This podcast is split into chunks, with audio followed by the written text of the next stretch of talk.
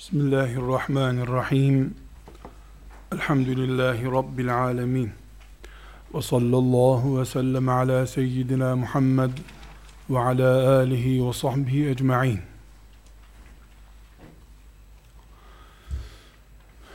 Değerli kardeşler, bugün İslam tarihinde önemli isimlerden Sa'd bin Ebi Vakkas radıyallahu anh Hazretlerini konuşmak için burada toplandık. Herhangi bir meşhuru konuşmak elbette kolay değil. Meşhur olmanın getirdiği bir farklılığı var. Bu meşhurluk insanların gözünde kilitlenmiş bir meşhurluksa biz yine zor diyoruz onu konuşmayı. Bir insan düşününüz ki o da bizim gibi anneden babadan doğmuş, etten kemikten yaratılmış. Görünürde bizden çok farklılığı yok ama onu Allah şöhret etmiş. Onun hakkında ayetler inmiş. Onu Peygamber aleyhissalatü vesselam Efendimiz sevdiğini söylemiş. Bu sevgi büyümüş, büyümüş, büyümüş, aklı zorlayacak bir noktaya gelmiş. Resulullah sallallahu aleyhi ve sellem Efendimizin sağlığında yüz binin üstünde sahabi dediğimiz dostu vardı. Yüz küsür bini geçmiş bir rakamdı bu. Bunların tamamı anam, babam sana feda olsun ya Resulallah demişlerdi. Anam, babam sana feda olsun. Ne demek bu? Değil benim için. Benim yaratılmama vesile olan annem, babam bile senin için feda edilecek kadar değerlisin ya Resulallah demek. Uyduruk bir söz değil. Kendi canını yaratılmasına vesile olan anasını babasını bile uğrunda feda edebileceği bir sevgiden söz ediyor. Yüz binden fazla sahabi Resulullah sallallahu aleyhi ve sellem Efendimiz'e anam babam sana kurban olsun dediler. Resulullah sallallahu aleyhi ve sellem Efendimiz bunlardan sadece bir tanesine anam sana kurban olsun, babam sana kurban olsun ya saat diye hitap etti. Tasavvuru bile müthiş bir şey. On binlerce insan daha sonra iman edenlerle toplu bakıldığında milyarlarca Müslüman yarı kalpten, yarı dille anam sana kurban olsun, babam sana kurban olsun ya Resulallah dediler. O bu milyarlarca insandan bir tanesine at saat, at, at şu okları, anam babam sana kurban olsun dedi. Bunu ne bir şair şiiriyle anlatabilir, ne bir edebiyatçının kaleminden şöyle güzel bir makaleyle bunu tasvir edebilirsin. Ki yani burada böyle bir konuşma ortamında bu sözün kendisine söylendiği Sa'd bin Ebi Vakkas'ı hakkıyla takdir edilmiş bir şekilde hakkı verilerek ha bu kadar olabilirdi denecek tarzda anlatılabilsin. Her halükarda bugün Sa'd bin Ebi Vakkas'ı konuşacağız inşallah. Ama hele benim asas maksadım Sa'd bin Ebi Vakkas'ı konuşmak değildir.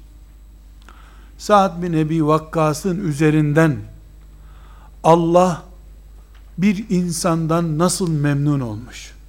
Peygamberi nasıl memnun olmuş? Bu formülü çözmeye çalışıyorum.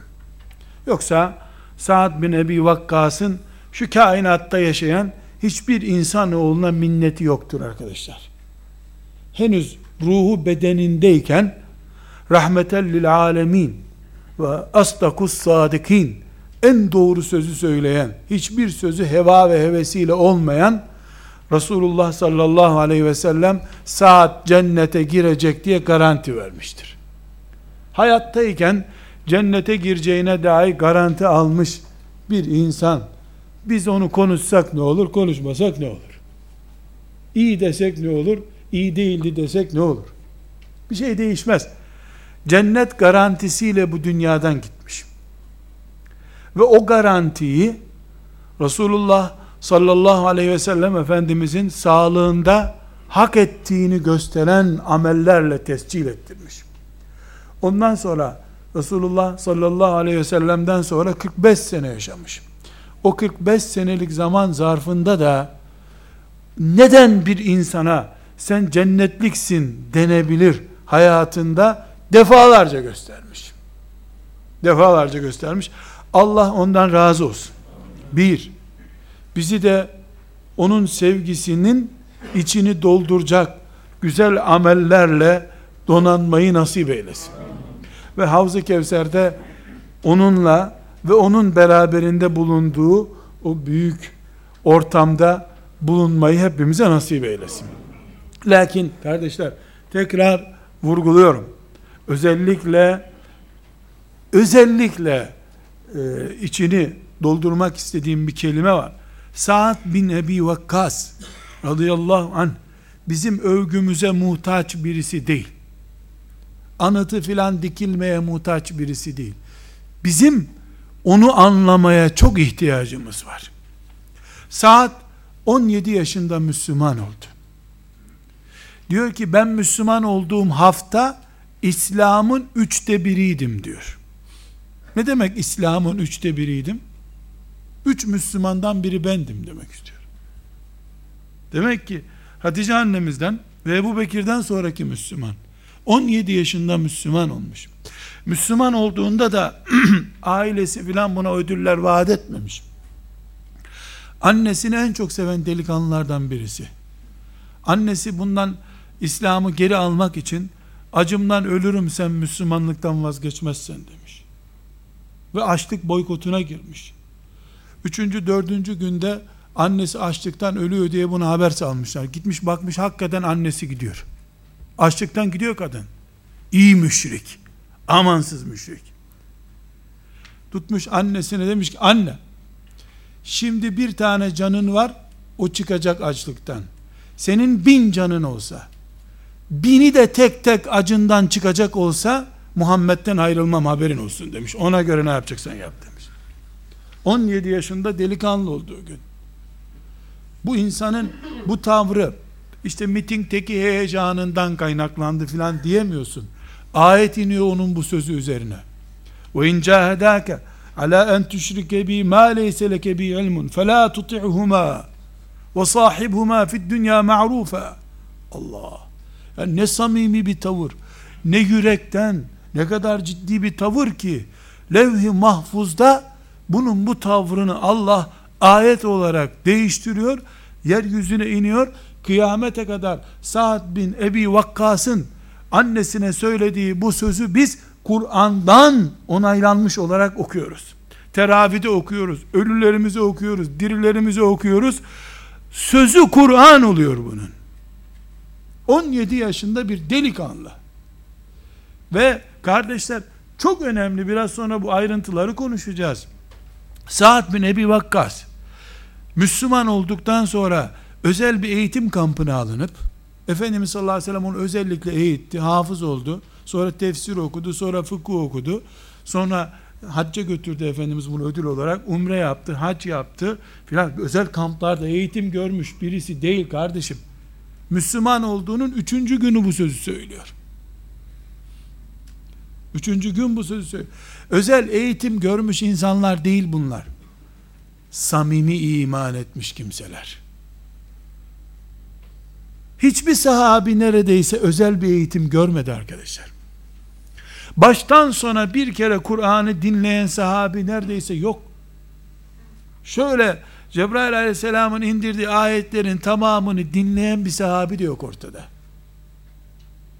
Ama Allah ve peygamberi sevdim seni dediği, yüreğinde Allah sevgisi kan olarak dolaşan insanlar bunlar her biri. Sa'd bin Ebi Vakkas, özel Peygamber aleyhisselamın yanı başında çok ciddi eğitim gördüğü için bu kaliteye ulaşmamış. Üç günlük Müslüman, zaten Darül Erkam'da gizli gizli toplanıyorlar. Yüksek sesle Subhanallah da diyemediler Ömer Müslüman oluncaya kadar. Kulaklarına Cebrail geldi. Şöyle dedi diye sessiz söyleniyor. Çünkü Darül Erkam dediğin dağ başında bir yer değil arkadaşlar. Kabe ile arasındaki mesafe 30 metre. Ebu Cehil'in evi 15 metre ötede. Gizli ne toplanıyorsun ki? Ses geçirmez, yalıtımlı bir malzemeli bir ev de değil. Bir mağara, mağaranın dibine üç tane taş koymuşlar. Zaten nefes alsan nefesin hissediliyor. Gizli dediğin yani komik bir gizlilik bu. Hani çocuk babasına konuşur, annesi duymasın diye güya elini tutar. Öyle bir gizlilik manzarası var ortada. Özel bir eğitim de yok. Lakin bin kere annesinin ölüsünü görmeye razı Muhammed'den ayrılmamak için. Sallallahu aleyhi ve sellem. Biz bir başörtüsü için dahi diploma uğruna pazarlık etmeye oturmuş bir nesil olarak sade konuşmaya utanıyor olmamız lazım bizim. Bir A4 kağıdı kadar olan diploma kağıdı için bile diniyle pazarlık eden bir nesiliz biz. Saat bin Ebi Vakkas'ı konuşurken hayal ediyor olmamız lazım. Bin canın olsa biri de gitse Muhammed'i bırakmam diyen bir insanı konuşuyoruz. Biz diplomayı değil karneyi bile feda edemeyiz. Karne bile yani öğretmen vermez filanca işi yapmasam diye çocuğun dininden, akidesinden taviz vermeye hazır bir nesiliz. Elbette Sa'd bin Ebi Vakkas'ı anlamak nire bizim halimiz nire denecek bir konumdayız. Ya Rab yardım et bize. Yardım et. Yani Allah görüyor ki elbette biz böyle tavizci, berbat bir pozisyondayız. Kabul. Lakin inşallah Sa'd bin Ebi Vakkas hayranıyız. En azından Allah içimizdeki kanayan bu hasreti, bu volkan gibi parlayan ve e, önümüzü aydınlatan hasreti Allah görsün. Bir gün herkes sevdiğiyle beraber yapıldığı gün, herkesin sevdiğinin yanına konduğu gün saatle beraber olmayı Allah'tan niyaz ederiz. Yoksa arkadaşlar samimiyetle itiraf ediyorum konuşmamız bile ayıp bu insanlara. Eğer İslamiyet bizim elimize düşseydi, ilk Müslümanlar böyle bir nesil olsaydı, 20 sene ötesine götüremezdi Efendimiz sallallahu aleyhi ve sellem İslamiyet'i. Gelip ya Resulallah, annem çok kötü hasta, ben birkaç gün gelmeyeyim kamplara diyecekti. Nereden biliyorum bunu biliyor musunuz? Şu klimayı kapatır mısın? Bizim soğuğa da tahammülümüz yok kardeşim. Bırak sen. Şimdi sohbet dışına müsaadenizi biraz taşmak istiyorum. Çocuğu getiriyor babası hocam. Bu tam senin gibi alem olsun. Çocuk sana teslim. E getir bakalım hay Allah razı olsun. Belli ki öğretmen bu okulu bitiremeyecek dedi ama hayırlısı Allah'tan gene alalım. Öbür hafta çocuk yok. Öbür hafta ulan nerede bu çocuk? Şey hocam geçen hafta teyzesinin e, görümcesinin e, çocuğunun nişanı için hazırlık vardı. Onun için gelemedik haftaya. Allah adanmış kurbana, Kur'an'a adanmış çocuğun engeline bak. Teyzesinin, görümcesinin tanıdığının nişan hazırlıkları yapılacak. Çocuk gelmedi o hafta derse.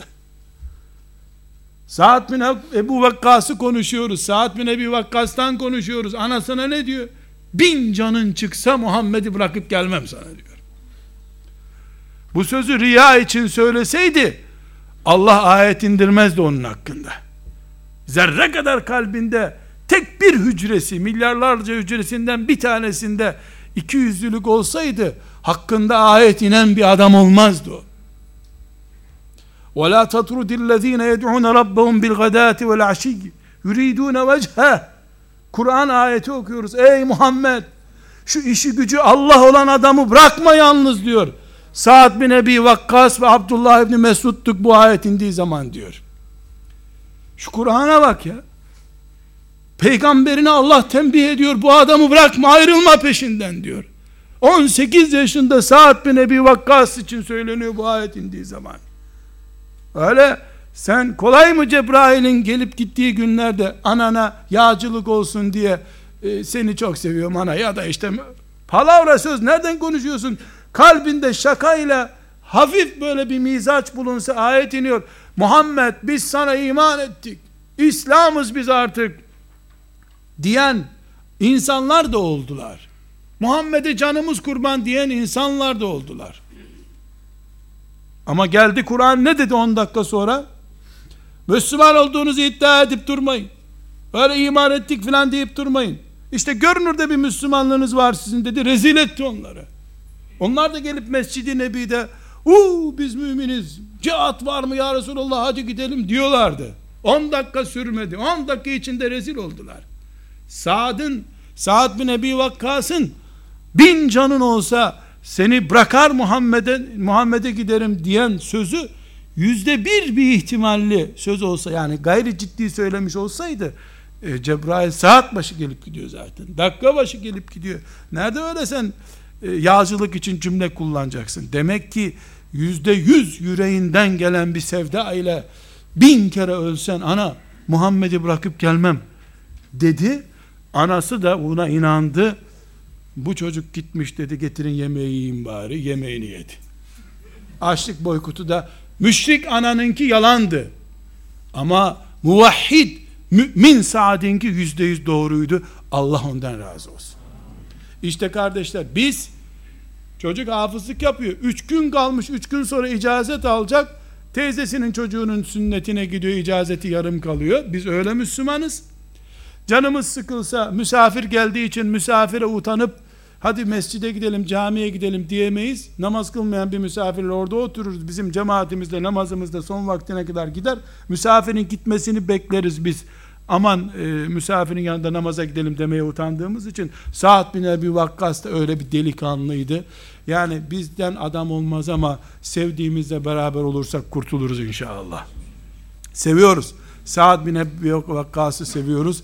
O yürekli insanları seviyoruz. Onlar onlar 30 kişi 40 kişiydiler. Medine'ye hicret ettiklerinde sadece 400 kişiydiler. O kadar güçlü bir sağlam temel kurdular ki Allah onların kurduğu o temelin üzerine milyarlarca Müslümanın dinini yaşadığı bir din kurdu.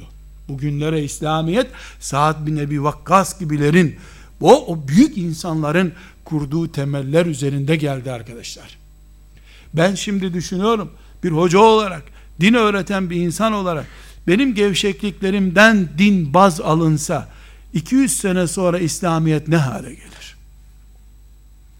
Faizin bile ne kadarı helaldir diye soran soruşturan bir Müslümanız biz.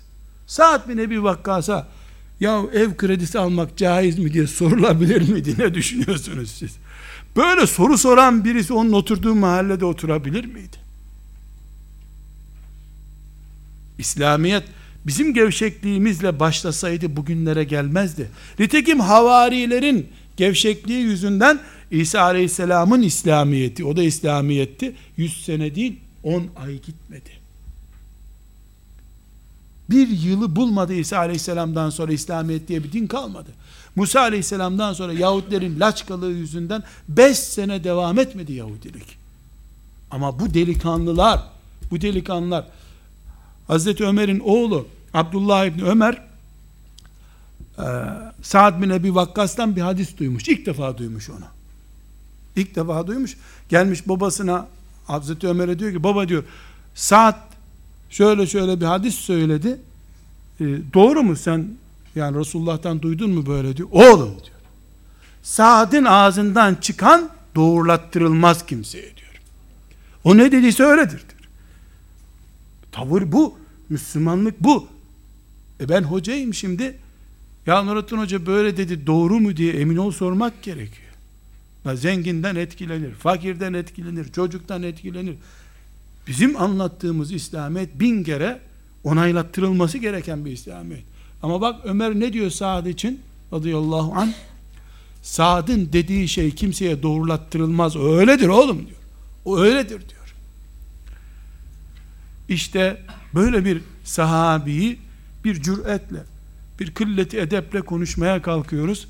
Lakin hep örnek veriyorum arkadaşlar. Aslında bizim adam yerine konmamız doğru değil. Biz böyle adam yerine konup da bu adamları konuşsak adamlara zarar olur. Onlar zararı gör. Lakin bir köpek bile necis olduğu necis olduğu halde yani bir damla salyası bir kuyuya damlasa köpeğin kuyunun suyunu tamamen boşaltılması gerekiyor.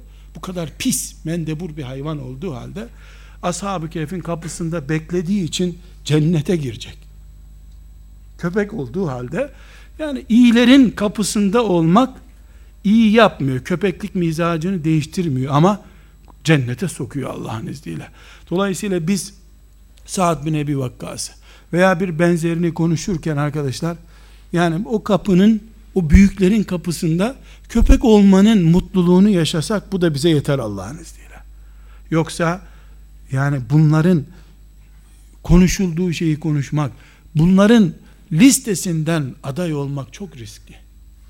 Kazara Allah kalkıp da yani rahmetiyle, lütfuyla muamele etmeyip her şeyin tam hakkını vereceğim dese de Sa'd bin Ebi Vakkas gibi Müslümanları cennete koyacağım dese biz nasıl cennete gireriz? Müslümanlık Sa'd bin Ebi Vakkas gibidir. Gerisi onaylanmıyor dese kaldık ortada. Bunlar başımızın da belası aslında. Bunların yüzünden çıta yüksek kaldı. Delikanlı bunlarla ölçülüyor. Sadakat bunlarla ölçülüyor. Vefa bunlarla ölçülüyor. Allah razı olsun ve sevgimizde sadakatli olmayı bize müyesser kılsın. Ama şunu kesin biliyoruz arkadaşlar.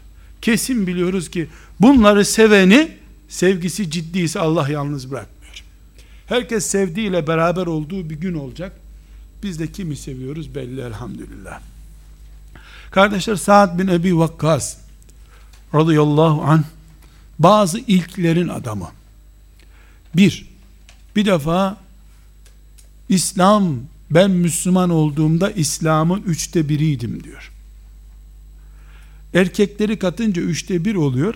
Kadınlar ve çocuklar da katılınca yedinci Müslüman. Saad bin Ebi Vakkas yedi Müslümandan bir tanesi. Bir. iki.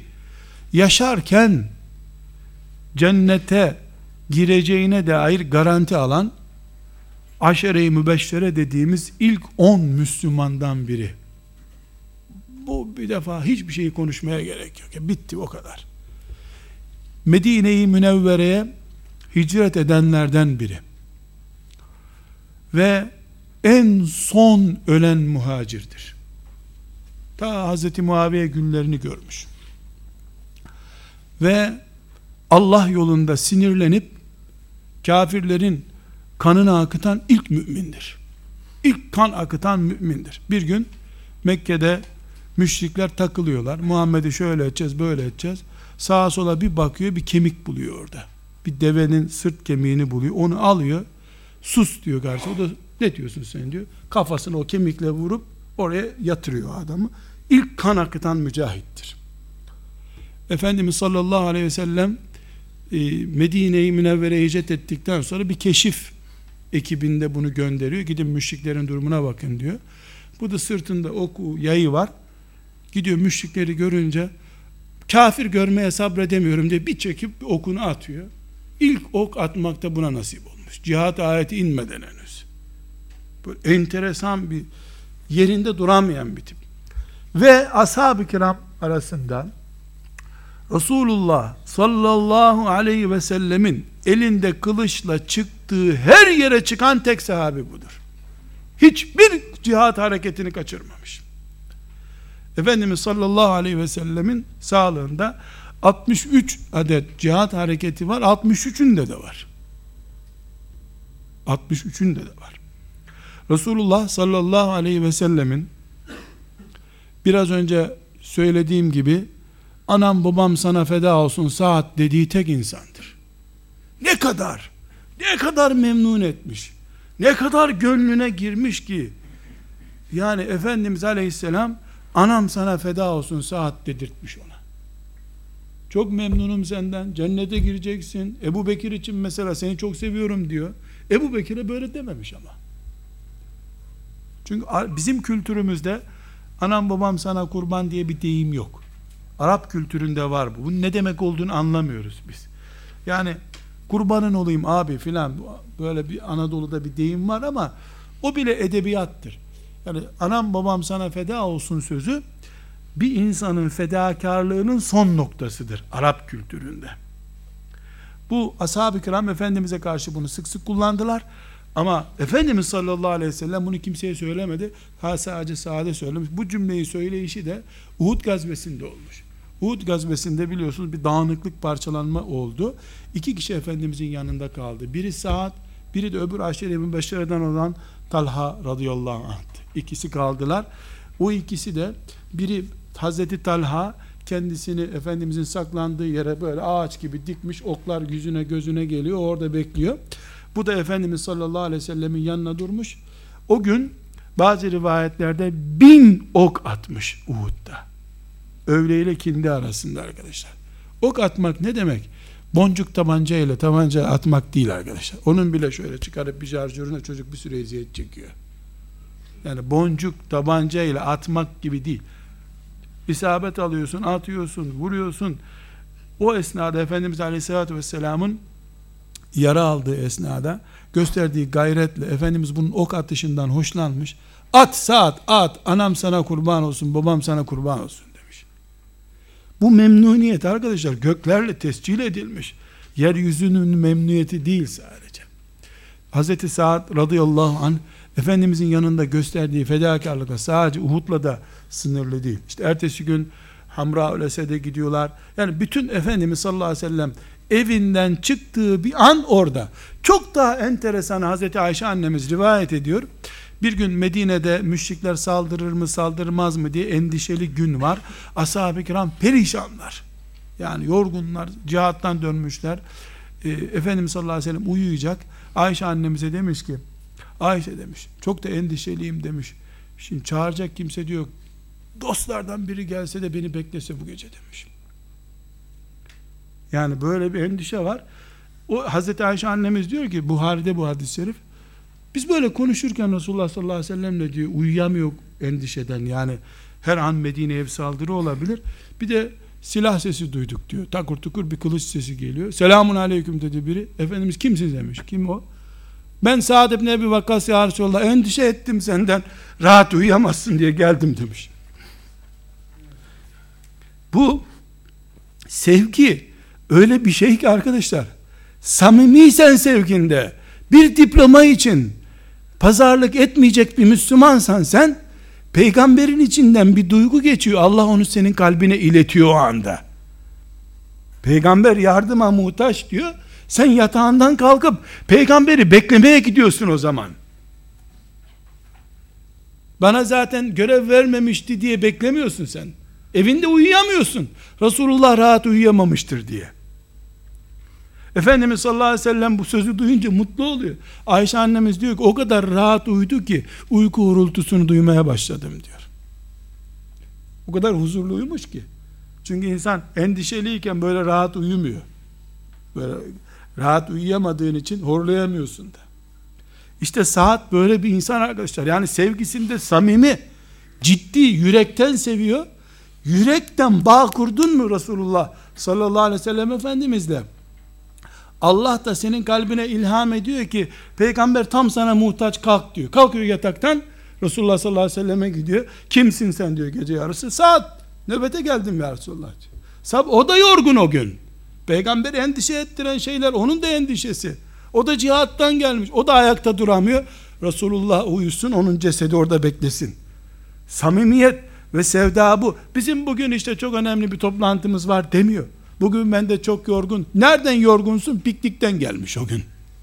Piknikten geldiği için ne vakıf görevi var ne öbür görevler var. Çok yorgun. Piknikte üstelik maç ettiler tabii. Hem futbol oyna hem de gel akşam görev yap. Yok öyle. Sa'd bin Ebi Vakkas radıyallahu an peygamberin sağlığında kendisi hayattayken cennetle müjdelendi. Şansa ona çıkmadı bu ama. Hiçbir sahabi şansa bunu almadı. Şunu bilmek lazım kardeşler. ashab-ı kiramı konuşurken önce şunu bileceğiz. Ashab-ı kiram işte şanslı bir nesil.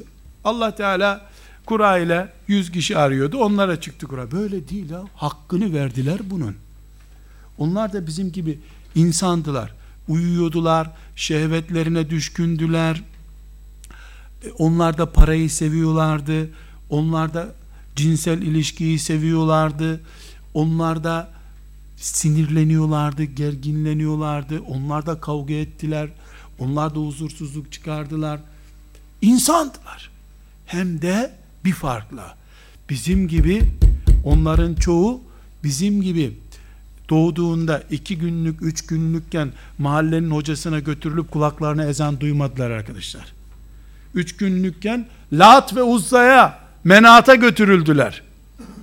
Putçu bir ailenin çocuğu olarak doğdular. Zinanın, içkinin, kumarın, cinayetin serbest olduğu bir ailenin çocuğu olarak doğdular. En bataklık, en berbat, en çirkef ailelerin çocukları olarak doğup Cebrail'le boy ölçüştüler. Meleklerin imrendiği insanlar oldular. Hiçbiri hoca çocuğu, hacı çocuğu, Kabe'nin dibinde ama Kabe'ye düşman olarak doğmuş insanlar. Hacı çocuğu olarak doğmadılar. Çok azı 100 tane 200 tanesi Efendimiz sallallahu aleyhi ve sellemin zamanında doğma şerefine erdi. Alınlarının teriyle, tırnaklarıyla kazıya kazıya tırmandılar. Allah hepsinden razı olsun. Sa'd bin Ebi Vakkas'ın annesini öyle bir ananın çocuğu çocuğu iman etti diye açlıktan ölmeye karar veren bir ananın çocuğu olarak geldi bu. Yani ashab-ı kiramı konuşurken şansa onlara çıktı, kuradan çıktı, cennete girmedi. Öyle bir şey yok kardeşim. Cennetin hakkını verdiler. Bedel ödediler. Allah razıyım bunlardan. istediğimi yaptılar dediği için e, biz onları seviyoruz. Şans diye bir şey yok ortada. Ebu Bekir de o hakkı verdi. Ömer de o hakkı verdi. Sa'd bin Ebi Vakkas radıyallahu anhüm cemiyan o da bu hakkı verdi. Ödediler. Bedel ödediler. Candan istendiği zaman can verdiler. Mal gerektiği zaman mal verdiler. Her fedakarlığa razı oldular. İbadet yap. Ya kardeşim emin olun Ağustos ayında yatsı namazı kılmak ne kadar zor oluyor biliyor musunuz? Yani yatsıyı beklemek. Şöyle bir yatayım desen sabaha kalkıyorsun bir daha. Sabah da gidiyor arada. Ne kadar zor oluyor o sıcakta beklemek. Üstelik de klimalı camilerde namaz kılıyorsun. Çalıştığın iş ne ki? Lakin ashab-ı kiramın bakıyoruz akşam namazından sonra hiçbir evine gitmiyor. Uyuyup kalırım diye korkuyor. Yani Efendimiz sallallahu aleyhi ve sellem bile duygulanmış bir gün onların o halini görünce ayakta duracak halleri yok. 45-50 derece sıcakta akşama kadar bahçesinde çalışmış. Eğer cihatta değilse o gün, kılıç kuşanıp gelmediyse, sırtında zırhıyla çöllerden gelmiyorsa, akşam yatsı namazını kılmadan, cemaatle kılmadan eve gitmemişler ama. Sabah namazına da yetişmişler üstelik. Gittikleri geldikleri kimisinin 5 kilometre. Kuba'dan gelen var, Kuba 5 kilometre. Ashab-ı kiram, o övgünün, o cennet taltifinin karşılığını verdiler. İkramla, şansla, peygamber çocuğu için, peygamber akrabası olduğu için almadılar bu ödülü. Peygamber akrabası olarak bu ödülü alacak olsalardı Ebu Leheb, Ebu e, ve diğer Efendimizin amcaları cehennem kütüğü olarak ölüp gitmezlerdi. Akrabalık bir işe yaramadı. Ne dayılık ne yeğenlik hiçbir işe yaramadı. Hakkını verdiler. Bedelini, tahakkukunu gerçekleştirdiler. Allahu Teala da karşılığında onları cennetine koydu. Razı olduğu haberini verdi. Kardeşler Sa'd bin Ebi Vakkas Efendimiz sallallahu aleyhi ve sellemle e, bütün cihat hareketlerine katılmış. Efendimizin gönlünde kurduğu taht bir evladın babanın gönlünde kuracağı tahtın çok üstünde. Müthiş bir sevgi kazanmış. Ama Sa'd bin Ebi Vakkas'ı bize taşıyan Efendimiz sallallahu aleyhi ve sellemle yaptığı cihat değildir. Saad'ın yeri bir başka. Saad bugün İslamiyet'in bugünlere gelmesine sebep olan Resulullah sallallahu aleyhi ve sellem Efendimizin sağlığından sonra yani onun onun vefatından sonraki en büyük cihat hareketlerinden iki tanesinden birinin kahramanıdır. Efendimiz sallallahu aleyhi ve sellemin sağlığında ve daha sonra İslam'ın önünde iki engel vardı. Tıpkı bugünkü gibi. Nasıl bugün bir Amerika bloku ve bir de Doğu bloku yani komünist bloku engeli İslam'ın önünde duruyor. O zaman da Roma kökenli bir engel bir de Pers İmparatorluğu yani bugünkü İran'ın aslı olan medeniyet engel olarak vardı. Roma bugünkü Suriye'den Arap Yarımada sonra aşağı doğru iniyordu. Ee, İran'da yani mecusilik, ateşperestlik e, bugünkü Irak üzerinden, Basra ve Arap Körfezi üzerinden Yemen'e doğru iniyordu. Dolayısıyla İslamiyet iki ağır tehdidin altında devam ediyordu. Biri Roma tehdidi yani Hristiyanlığın tehdidi, biri de mecusilik tehdidi, o da Irak üzerinden geliyordu.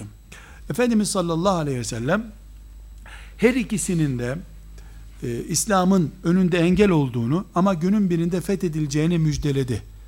Yani hem İran'ın Kisra o zamanki İran yöneticisinin adı daha sonra Şah oldu. Kisra'nın hazinelerini Medine'de görüyorum dedi. Bir bunu müjdeledi. Bir de Roma'nın er geç fethedileceğini haber verdi. Ashab-ı kiram dediler ki ya Resulallah iki tane Roma var. Bir küçük Roma var, bir büyük Roma var. Yani küçük Roma dediği İstanbul, Bizans, Büyük Roma dediği İtalya. Hangisini kastediyorsun diye sordular. Ahmet bin Hanbel'in müsnedinde bu hadis-i şerif. Efendimiz de önce küçüğü sonra büyüğü buyurdu. 800 sene sonra küçüğü gerçekleşti elhamdülillah. Büyüğü için ne kadar daha beklenir bilinmez. Lakin Resulullah'ın hiçbir vaadi boş çıkmadı elhamdülillah. Yani istedikleri kadar birleşsinler, dağılsınlar. Bir gün tahakkuk edecek Allah'ın izniyle. Ashab-ı kiram Efendimizin vefat ettiği günden itibaren bu iki müjdeyi gerçekleştirip sevabına ermek için uğraştılar.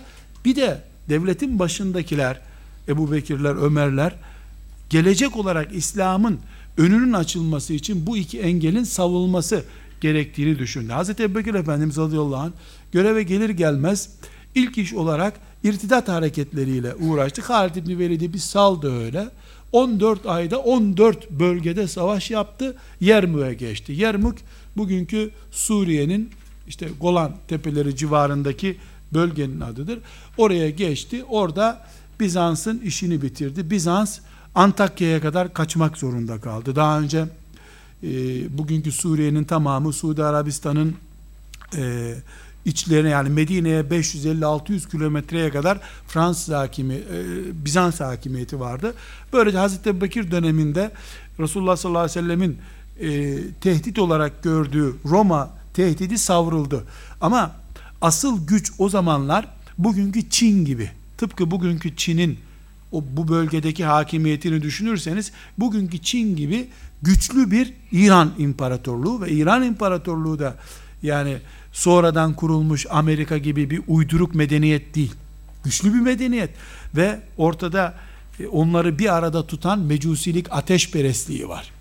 Ve onlar yani İslamiyet'in gelişmesini e, eğlence olarak gördüler kendileri için. Yani 3-4 gün sonra temizleriz bunları gibi güçlü görüyorlardı kendilerini. Nihayetinde Hazreti Ömer'in halife oldu. Yani Resulullah sallallahu aleyhi ve sellem Efendimizin e, Refik Ala'ya yükselmesinden sadece iki sene sonra Hazreti Ömer çok ciddi planları olan ve İslam'ı bugünlere taşıyan projenin baş mimarı. Allah ondan razı olsun. E, oturdu. Ashab-ı kiramın büyükleriyle Bedir yani ashab-ı kiramla istişare ediyor dediğinde Ömer Bedirlilerle istişare ediyor. Bedir ashabını en ileri gelenler kabul ediyor. Oturdular bu e, İran tehdidine karşı ne yapılacağını kararlaştırdılar. Ashab-ı kiram yani çok ürktüler denebilecek bir pozisyon çıktı. Yani şimdi biraz daha oturalım biz. Daha iç savaşlardan yeni kurtulduk. Sonra bakarız İran hesabına filan dedi. E, çünkü İran'la uğraşacak adam kıtlığı var. Yani herkesin karı değil. Bu sefer Hazreti Ömer radıyallahu anh o zaman ordunun başına ben geçeyim dedi. Ve 30 bin kişilik büyük bir ordu kuruldu. 30 bin kişilik ordunun başına geçti Hazreti Ömer. Bu sefer ashab-ı kiram çok endişelendiler. Ee, Hazreti Ömer yola çıktı. 10-15 kilometre yola çıktı. Gidiyor. İran'ın üzerine doğru gidiyor. Hazreti Ömer'e dediler ki ya bir son bir toplantı yapalım filan. Abdurrahman İbni Avf o da aşire-i mübeşşereden e, dediler ki yani senin gitmen asla doğru değil. Caiz görmüyoruz bunu. Sen Medine'yi tehlikeye atıyorsun. Sen e, hatta ona oyuna getirdiler onu. Yani Resulullah sallallahu aleyhi ve sellemin kabrine bir şey olur ha dediler. Tut kaldı orada. O zaman bana uygun bir adam bulun dedi. İkna olacağım bir adam bulun. Ordugahta bekliyor. Medine'nin dışında karargahta bekliyor. Bir adam bulun dedi. Ee, bu sefer şu olur mu bu olur mu? Onun yaşı küçük. O yapamaz bu yapamaz. Kimseyi beğenmiyor. Abdurrahman İbni Avf radıyallahu anh e, dedi ki Ömer buldum dedi. Kimi buldun? dedi. Pençeleri üzerinde dikilmiş bir arslan tanıyorum dedi. Kimdir o? dedi. O Sa'd bin Ebi Vakkas'tır dedi. Nerede Sa'd bin Ebi Vakkas? Yine bir cihat hareketinde tatile çıkmış. Çağırın çabuk dedi. Bahreyn'de tatile çıkmış. Elinde kılıç tatil yapıyor Bahreyn'de. Yani ashab-ı kiramın tatili bu arkadaşlar. Siyahatu ummetihim fi cihadi. Bu ümmetin tatili cihat. Cihat yoksa tebliğ. Tebliğ yoksa köyüne gider hem iki tane mümine abdest öğretir hem tatilini yapar. Ümmetin tatili bu. Allah onlardan razı olsun. Durmuş durmuş doğru demiş. Resulullah onu çok seviyordu demiş. Bulun bana çabuk. Haber göndermişler. Ömer seni çağırıyor. Gelmiş. Medine'nin dışındalar. Böyle böyle. Hedef ne demiş? Hedef mecusiliği ortadan kaldıracaksın demiş. Çocuklarla bir görüşelim Medine'de helallaşalım diye Medine'ye dönmüş. Uygun mu bu cümle? Ne alakası var? Ne işi var çocuklarıyla onun? Çocuklarını zaten yaratanına emanet etmiş gitmiş. Ve oradan çıkış o çıkıyor. Ee, Bağdat'a gitmeden daha Fırat Nehri'nin e, dökülme noktasına yakın yerde Kadisiye diye bir köy var.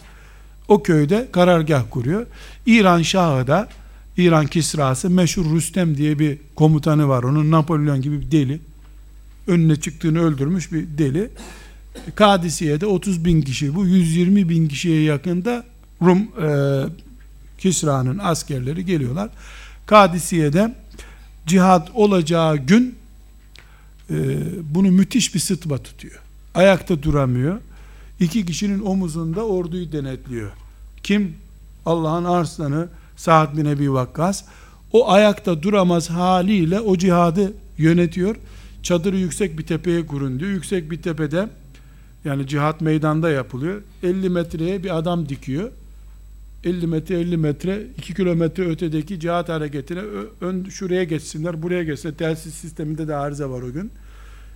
Yani 50 metreden 50 metreye koyduğu adamlarla 30 bin kişilik orduyu idare ediyor. O arada da karargahın kapısını açık bıraktırıyor.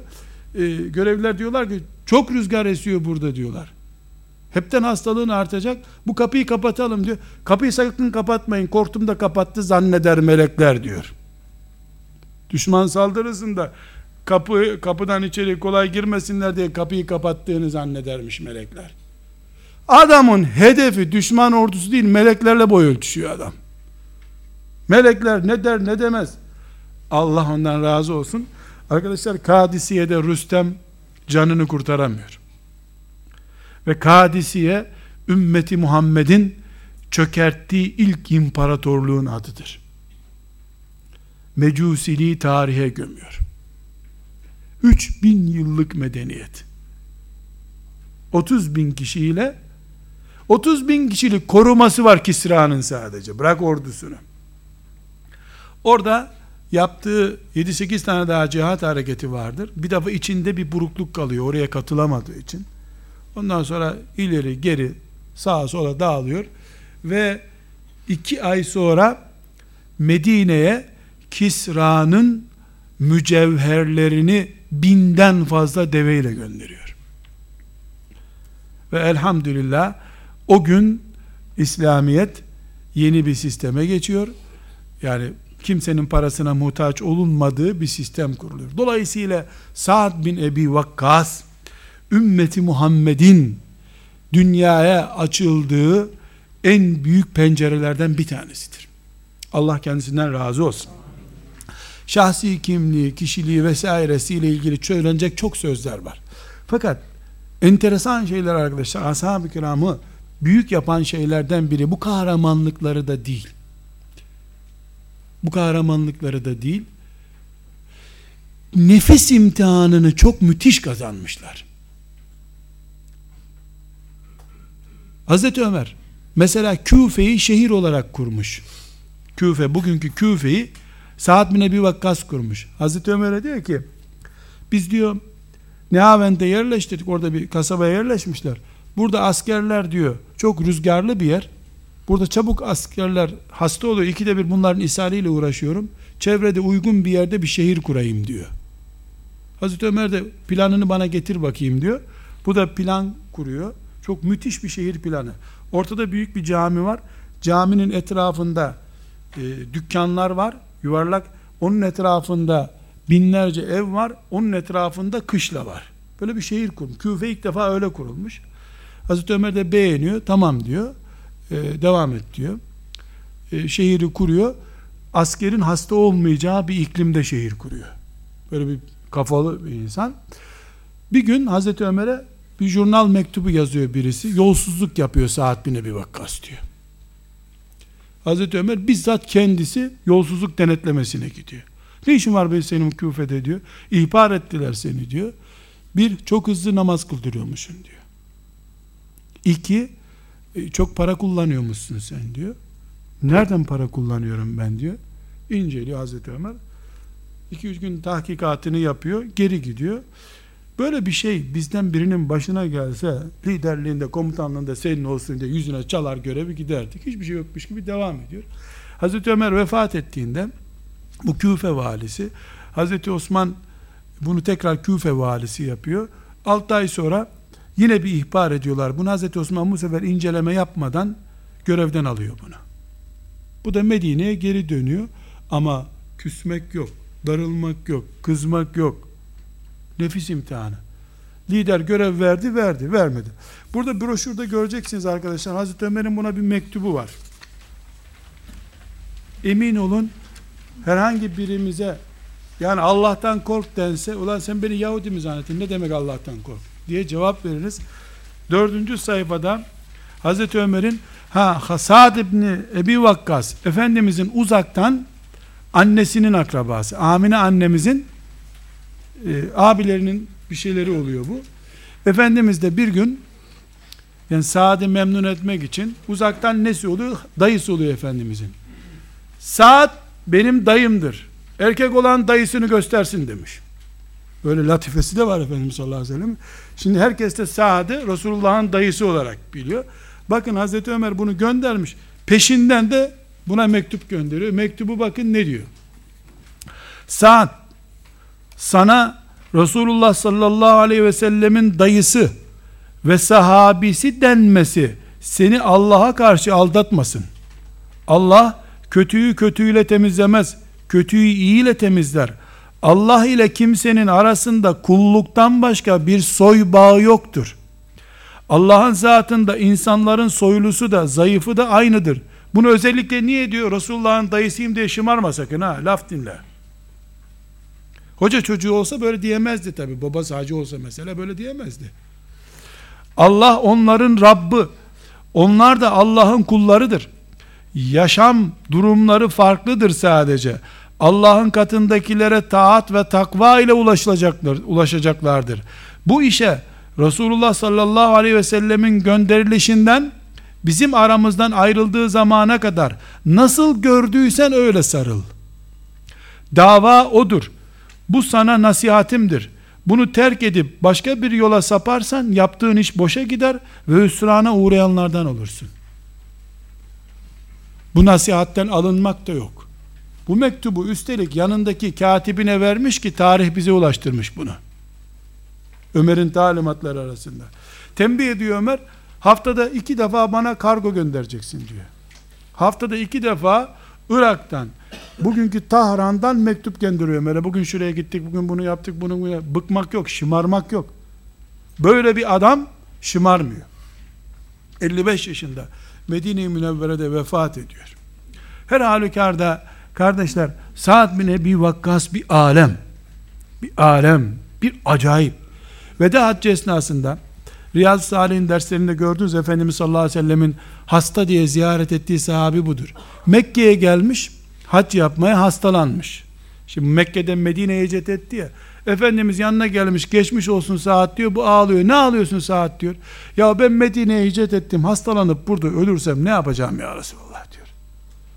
Veda haccında ölecek derdi hicret ettiği yerde niye ölmüyor? Efendimiz de buyurmuş ki saat sen çok yaşayacaksın merak etme. Hem o gün bir tane kızı varmış sadece. Ne 17 yaşında Müslüman olduğuna göre veda haccı da İslam'ın 22. veya 21. 22. senesinde olduğuna göre kaç yaşında bu o zaman? Efendim 39 yaşında bir çocuğu var. Efendimiz buna demiş ki saat sen çok yaşayacaksın çoluk çocuğun olacak. O da demiş ki ya Resulallah malım çoluk çocuğuma bıraksam bir kız çocuğu ne yapacak? Bu malımı Allah için vereyim demiş. Efendimiz de yok demiş. Senin daha çok çocukların olacak. Senin elinle nice insanlar Müslüman olacak demiş. Vefat ettiğinde 34 çocuğu var arkadaşlar. 34 çocuğu var. Bu sözümü doktorların palavrasına inanıp ilk ameliyat, ilk çocuğunu ameliyatla yapan annelere söylüyorum, babalara söylüyorum. 34 çocuğu var. Sırf Resulullah buna çok çoluk çocuğun olsun diye dua etti. O tecelliyi gerçekleştirmek için 8 kadınla evlenmiş. Dördünde evlenmiş, biri ölmüş, hastalanmış. Onun yer, dört sınırını hiç aşağı çekmemiş çocuğu olacak çünkü. Resulullah'ın dinine hizmet edecek. Allah ondan razı olsun. En önemli özelliği ne biliyor musunuz arkadaşlar? Hazreti Osman'ın şehit olmasından sonraki Ali Efendimizin e, Hazreti Muaviye radıyallahu anh hepsinin o fitne dönemlerine rastlamış. Hazreti Hüseyin'in şehadetini görmüş. Ama Medine'de bile oturmamış bu dedikoduları dinlememek için. 10 kilometre ötede Akik Vadisi diye bir vadi var. Orada bir çiftlik yapmış kendine. Hayvan beslemiş. Birisi gelip Medine'de şöyle oldu deyince Medine'den bana haber anlatmayın demiş. Ne zaman cihat haber olursa onu bana söyleyin diyor. Dedikodu haberi bile dinlemeye razı değil. Çocuklarından biri demiş ki baba demiş.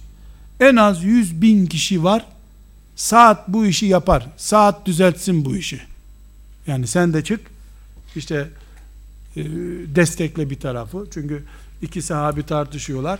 Bir tanesini desteklese bu. Çünkü yılların komutanı ve tecrübesi var, siyasi tecrübesi var, askeri tecrübesi var. Resulullah sallallahu aleyhi ve sellemin buna sevgisi var filan. Cevabı çok enteresan. Bana bir kılıç bulun diyor. Bu Müslümandır bunu öldürme diyecek. Kafiri görünce öldürecek diyor. Öyle bir kılıç olmadıkça ben kalkmam ayağa. Ne demek? Mümini üzmem. Mümini üzmem. Bu da bir yetenek. Bu da bir farklılık. Kardeşler Sa'd bin Ebi Vakkas radıyallahu anh hakkında hadis-i şerifleri konuşsak bize sabaha kadar vakit lazım. Ama her halükarda sevdiğimizi Allah görsün diye konuşuyoruz biz bunu. Yoksa onları konuşmak bile bizim işimiz değil başta söylediğim gibi. Dilerim Rabbim huzuruna çıktığımızda el mar'u ma'amene hab herkes sevdiğiyle beraber olsun bakalım dendiğinde sade de şöyle bir el işaretiyle gel bakalım diyenlerinden oluruz inşallah. Allah bu sevgimizi samimi tutmayı, içini doldurmayı da hepimize kolay kılsın. Ve sallallahu ve sellem ala seyyidina Muhammed ve ala alihi ve sahbihi ecma'in velhamdülillahi rabbil alemin.